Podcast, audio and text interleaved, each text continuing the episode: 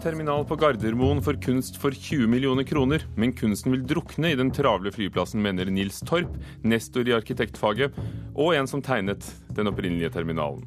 Norsk hiphop er populært, og det betyr gode dager for hiphopmusikere og produsenter.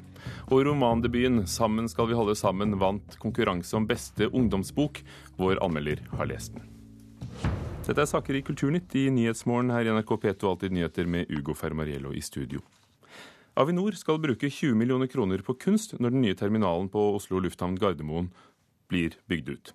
Mens en av arkitektene bak terminalen som åpnet i 1998 mener det er liten vits i, stiller publikum seg mer åpent.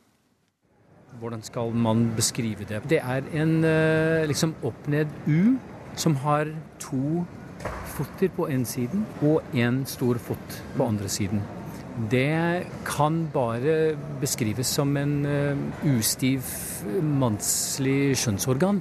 Blant trillekofferter og innsjekkingsskranker står Paul Kirby.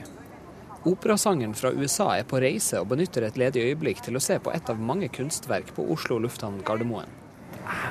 Jeg vet ikke. Også som innvandrer, det er mye av det som jeg godtar som skandinavisk stil, som jeg ikke skjønner. Det er mye av det som er, jeg syns er ganske stygg. Er det vits å satse på kunst på flyplasser, syns du? Jeg syns det. Og jeg syns at det kan, være, det kan bidra til noe bra. Det må være bra, fordi man, har, man tar ikke tid til å kontemplere det, det, det skulpturet her. Så det, det må liksom slå an med en gang.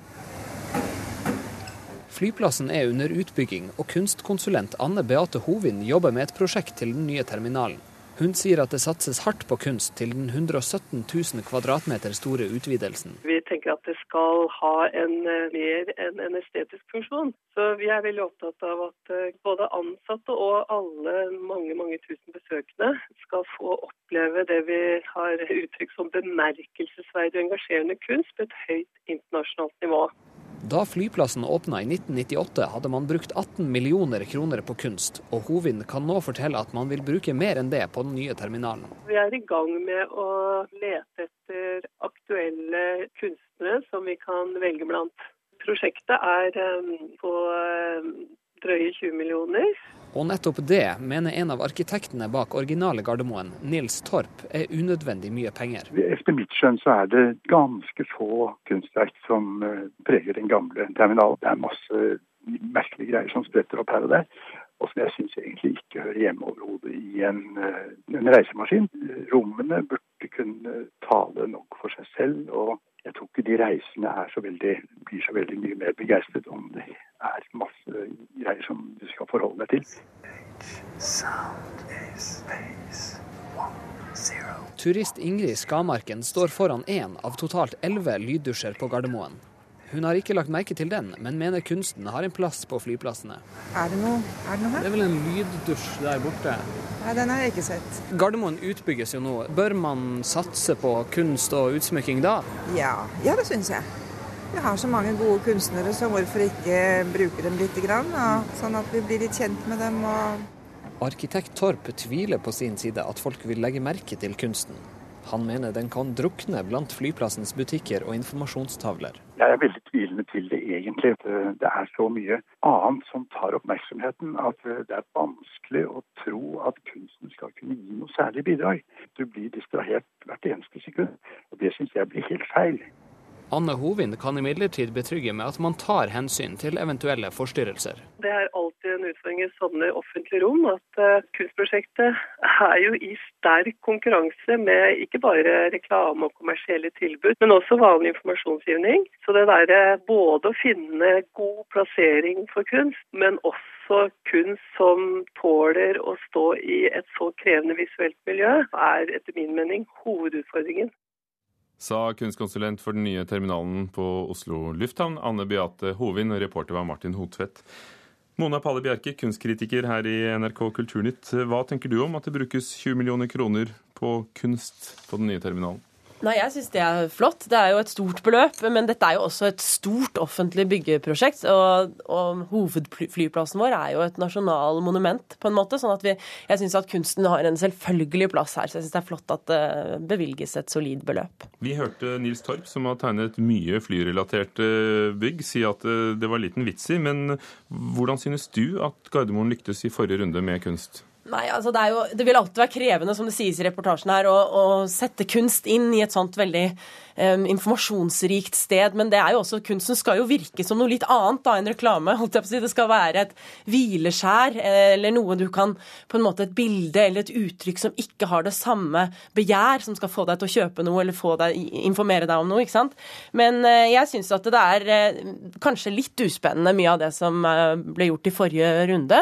Det er også veldig datert, syns jeg, når vi ser på det i dag. Det er veldig sånn 90-talls. Og man hadde veldig, på 90-tallet en veldig sånn forestilling om at utsmykning var noe veldig håndverksrelatert. Så det er veldig sånn materialbaserte arbeider. Og jeg tror i dag så forventer vi på en måte mye mer at kunsten bringer et slags tankegods. Men tror du det er det som gjør at eh, den amerikanske passasjeren vi hørte først her, sa at mye skandinavisk kunst ikke var så forståelig? At det er noe eget skandinavisk over det der? Håndverksmessige? Det kan, det kan, nok faktisk eh, hende at det er også noe som knytter seg til vår, liksom, eh, vår del av verden. Men jeg tror også, eh, også, egentlig at det også handler om dette at det er litt sånn klistret utenpå. Da, at det er en litt sånn gammeldags tenkning i forhold til utsmykning, kanskje. For Mona Palle Bjerke, da den nye operaen åpnet i Oslo, så var noe av det som ble lagt merke til, var at kunsten var en del av huset. altså F.eks. islandsk-dansk Olafur Eliasson har laget noe som er en vegg, men det er en skulptur, det er lys, men det er en del av huset. Det er ikke noe som er satt der. Eh, hva bør de nye arkitektene i Narius Stokkevik passe på når de skal jobbe med kunsten, og, og bør, er det de som bør gjøre det? Jeg håper i hvert fall at hvis ikke det allerede er en tett dialog mellom kunstkonsulent og arkitekter, at det øyeblikkelig blir det.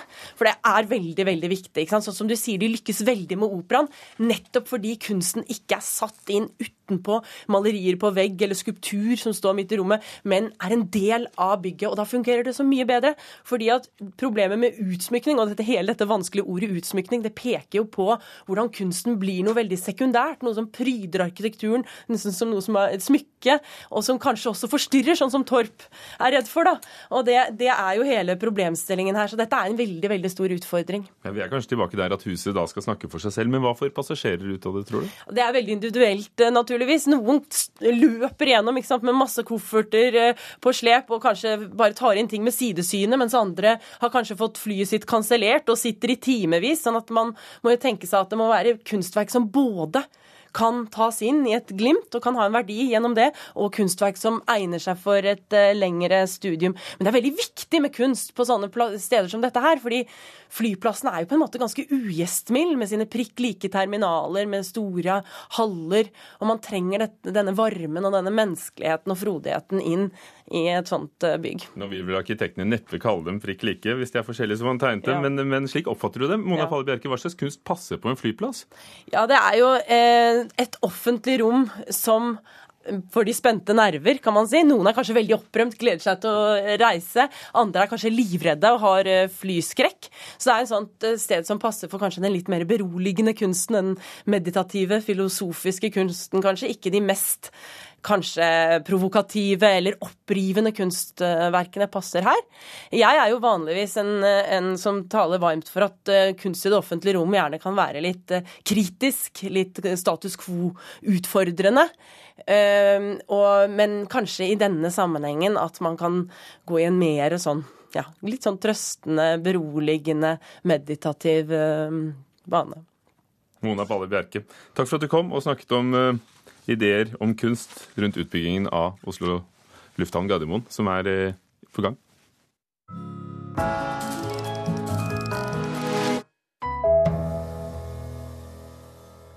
India sensurerer en norsk utstilling i Kina, skriver VG i dag. To videoer som tar for seg massakren på 1000 muslimer i hindustaten Gurayat i India i 2002, er blitt fjernet fra utstillingen Indian Highway i Beijing etter krav fra indiske myndigheter. Utstillingen er et samarbeid mellom Astrup Fearnley-museet i Oslo og Serpentine Gallery i London. Og i dag åpner rettssaken mot det russiske punkbandet Pussy Riot i Russland. De tre jentene ble arrestert i februar i år for sine Putin-kritiske protester i Moskva, bl.a. inne i en kirke. Og de feministiske punkrockerne risikerer syv års fengsel. De er tiltalt for såkalt pøbelvirksomhet.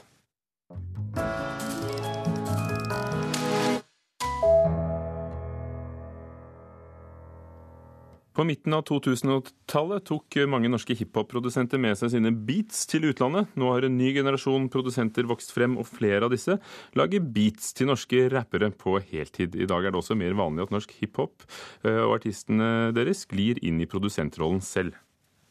Noen ganger klaffer det, andre ganger klaffer det, klaffer det ikke. Den er egentlig bare bygget på et enkelt eh, en klassisk måte som vi bygger opp låtene om dagen, er ofte at versene er ganske monotone og rett fram, og så kommer kordene inn og bygger opp refrenget. Rappduoen Erik og Chris har vært populære siden de ga ut debutalbumet Gull og grønne skoger i 2007. De har samarbeidet med en rekke produsenter, men Chris, som egentlig heter Kristoffer Tømmerbakke, produserer de fleste låtene selv.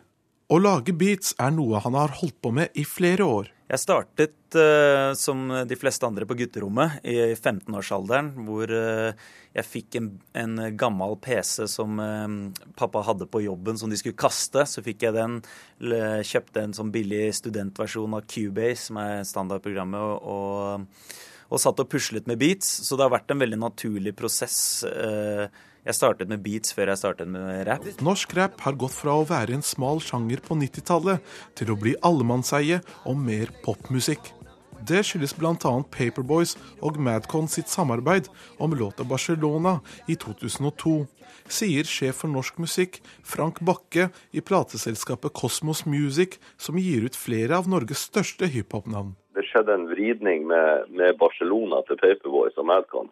For det var første gangen man man gikk fra å være, være du kan si, innenfor sin eh, sjanger til å, å favne altså alt og alle.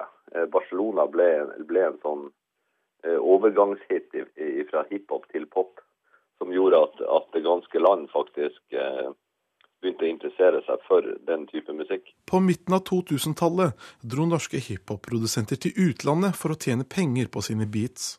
Siden det var så få hiphop-utgivelser i Norge, Journalist og musikkritiker i Dagsavisen Espen Rusdal sier at norsk rap har blitt mer utbredt. Det er en kombinasjon av at det er blitt bedre eh, og folk eh, tror mer på det, og så er det at det blir spilt mye mye mer på radio. Altså nå får du, Før så hørte du ikke rap på, på annet enn P3 egentlig, ja, landsdekkende radio, og masse nærradio selvfølgelig. Da. Men som, sånn for å få en ordentlig push og umf, liksom for, så du kan dra på turné eller liksom selge nok skiver, så må du på en måte på riksdekkende radio. Og der er vi en helt annen verden nå enn for bare tre-fire år siden. Altså. De seneste årene har norsk rap vært preg av elektronisk housemusikk, og med housebølgen kom det også flere produsenter på banen. Rusdal sier at det er mange produsenter som lager beats på heltid i dag, og håper at fremtiden vil bringe mer egenart. Nå er det nok for de jeg nevnte, nå er det nok det mulig, ja. Og det er jo kjempebra, fordi da får man enda mer tid og enda mer selvtillit og guts kanskje til å gjøre det mer sin greie. Så vi kanskje kan til slutt få en slags sånn eh, nordeuropeisk hiphop-uttrykk eller et eller annet som liksom er sånn vår, da, som vi kan følge eierskap til. Det hadde vært deilig. Så liksom vi slipper å måtte speide ut på hvordan de gjør det i New York hele tiden. Og vi kan heller si nei, nei, sånn gjør vi det her. Og dette er bedre, faktisk. Det hadde vært deilig. Og reporter var Fouad Asharki. Klokken er 17 minutter over åtte. Du hører på Nyhetsmorgen i NRK P2. Dagens viktigste saker. I Syria påstår Assad-regimet at regjeringssoldatene har gjenvunnet deler av storbyen Aleppo, men kampene pågår fortsatt i gatene. Det har vært en natt med eksplosjoner, skyting og drap, for krigen utkjempes akkurat der folk bor, og de fleste er igjen, de kommer ingen vei. I løpet av et par dager vil Aleppo være trygg igjen, sier en talsmann fra hæren. Det er intet ord å stole på, forteller journalister inne i byen. Der er det ingen som tør lukke øynene. Tom Christiansen. Universiteter og høyskoler tar inn flere studenter enn de har studieplasser. Minibankene sakker, sakker akterut. Nå tar vi ut kontanter når vi handler. Og senere i Kulturnytt får vi høre om vikinghistorie på Hadeland. Men først det samme på Stiklestad. I går ble årets utgave av spelet om Den hellige Olav avsluttet på Stiklestad. Møtet mellom to livssyn var fint, men det var noen dødpunkter og bølgedaler. Men det var flott å høre trønder-nynorsk. Det var det vår anmelder sa etter premieren. Nå er de fire forestillingene over. De har samlet over 5000 publikummere, og arrangørene selv er også fornøyd. Det har vært en fantastisk sommer, arbeidsom, og jeg elsker jobb så, og med sånne folk. Og at vi får slutt i sånt vær. Det var litt deilig etter regnet vi hadde i går. Dette med at du har lagt stykket konsekvent på dialekt, Hvordan er det blitt mottatt? Ja, det har blitt mottatt veldig positivt, men det tror jeg også handler om at jeg har tatt vare på nynorsken. Vi prøver da å utvikle nynorsk-trøndersk, da. En scenetrøndersk. Eh, som ivaretar poesien hos, eh, hos, Gullvåg. Det er klart at Veldig mange har tenkt bestandig at Gullvåg sin trøndersk har vært arkaisk og gammeldags, men det har egentlig bare vært nynorsk med mange gamle trønderske ord i. Så det stemmer jo veldig å gjøre den på trøndersk. Det skjønte jo jeg med en gang jeg begynte å lese i manusene. Nå har jo stykket levd litt turbulent de siste årene, bl.a. med Stein Winges oppsetting. Uh, er den tilbake inn i folden nå, vil du si? Jeg er jo litt redd for det. Altså, jeg skal jo, det må jeg jo si, for jeg syns det er fantastisk når man eh, utfordrer et stoff. Jeg opplever at jeg faktisk har utfordra det ved å gjøre om arenaen og scenebildene totalt, ved at scenen er blitt dobbelt så stor. Og ved at vi har trøndersk, så i utgangspunktet så for en pietetsopptatt menneske vil man kanskje synes at det er radikalt. Jeg flytta både på hele gården. Men eh, vi skal jo lage et år neste år. Og da skal det skje kanskje enda større endringer, så det er bare å henge med i svingene og bestille billett neste år. Også arrangøren er fornøyd, da særlig med publikumsoppslutningen, sier pressetalsmann Jostein Grande. Jo, vi er godt i gang. Vi slår nok fjoråret. Vi nærmer oss 5000 i dag, så det blir jo veldig artig med solskjenn og godt spillvær. Sånn som du ser det, er stykket nå tilbake igjen i folden etter Marit Moum Aunes eh, oppsetning? Til det så vil jeg si at det er en fantastisk god regi. Og det er veldig godt å være i ensemblet rundt eh, både skuespillere og frivillige. For eh, publikum og de 800 frivillige har iallfall trygt hennes regi til sitt bryst. Så Sånn sett så er vi tilbake. Kan spill om Heilag Olav fremdeles kalles alle spels mor? Ja, er du mora, så er du mora. sa presseansvarlig for spel om Heilag Olav på Stiklestad, Jostein Grande, til vår reporter Jan Rye Ravnestad.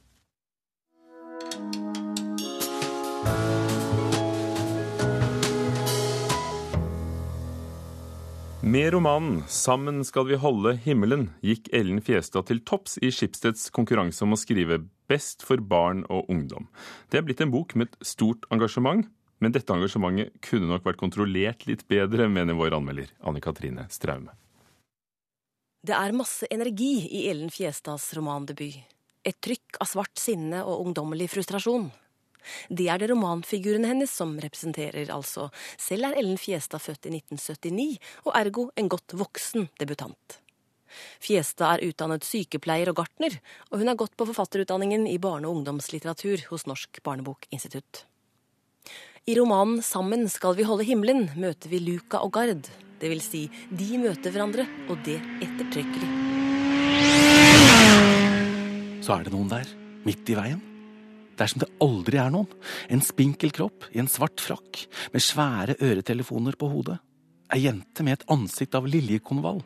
Gard kaster seg over styret, hogger bremsen inn, han bremser som ville helvete, får ned farten, men ikke nok.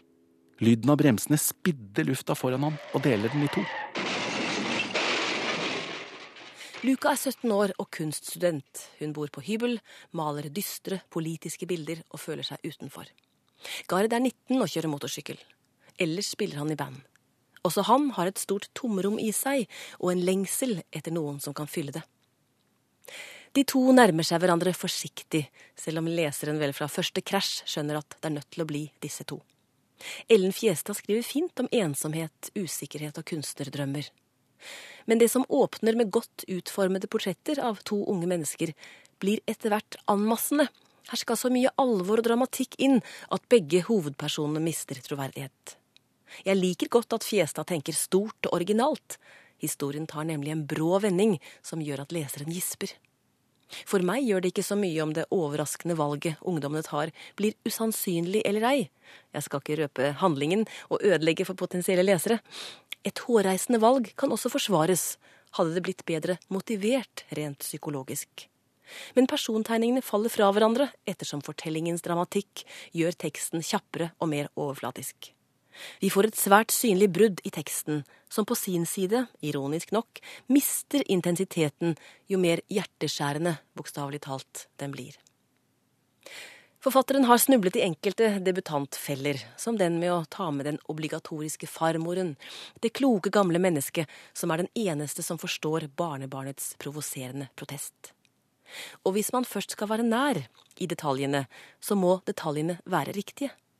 Det blir ikke idyll av å beskrive lukter og blomster der de to ungdommene raser på motorsykkel gjennom norske daler i juli, og dynger på med både syrinduft, modne jordbær og kirsebærblomster i en og samme veiv. Allerede tidlig i boken sier Luca at hun vil lære å se med hjertet. Det skal vise seg å være et utsagn som blir langt skumlere enn den litt naive og svulstige tonen replikken kan ha. Sammen skal vi holde himmelen er første bind i det som skal bli en trilogi. Ellen Fjestad har vist at hun har tæl til å bryte grenser. Det er å håpe at hun kan få litt mer hjelp fra forlaget neste gang til å turnere idé og form. Sa Anne Katrine Straume om Ellen Fjestads 'Sammen skal vi holde himmelen', og så kan du alltid lese anmeldelsene våre på nrk.no litteratur. Hadeland satser på vikinghistorie for å trekke turister, og mens Mjøsa har sin båt Skibladner, har nå Randsfjorden også fått en turistbåt, nemlig den som har fått navnet Kong Haud etter den aller første kongen på Hadeland. Akkurat nå passer vi over der som en Halvdan Svarte drukne. Det er eh, like utafor Øystenvika, der de hadde drevet vannet kua. Og gikk gjennom isen med hele mannskapet sitt. Du, Hvis vi hadde dykka her nå, tror du vi hadde funnet noen knokler etter hester og sånn? Ja, han ligger vel litt an Halvdan der over. Jeg sitter behagelig under glasstak i nyervervelsen på Randsfjorden. Sola skinner, og Hadeland viser seg fra sin beste side.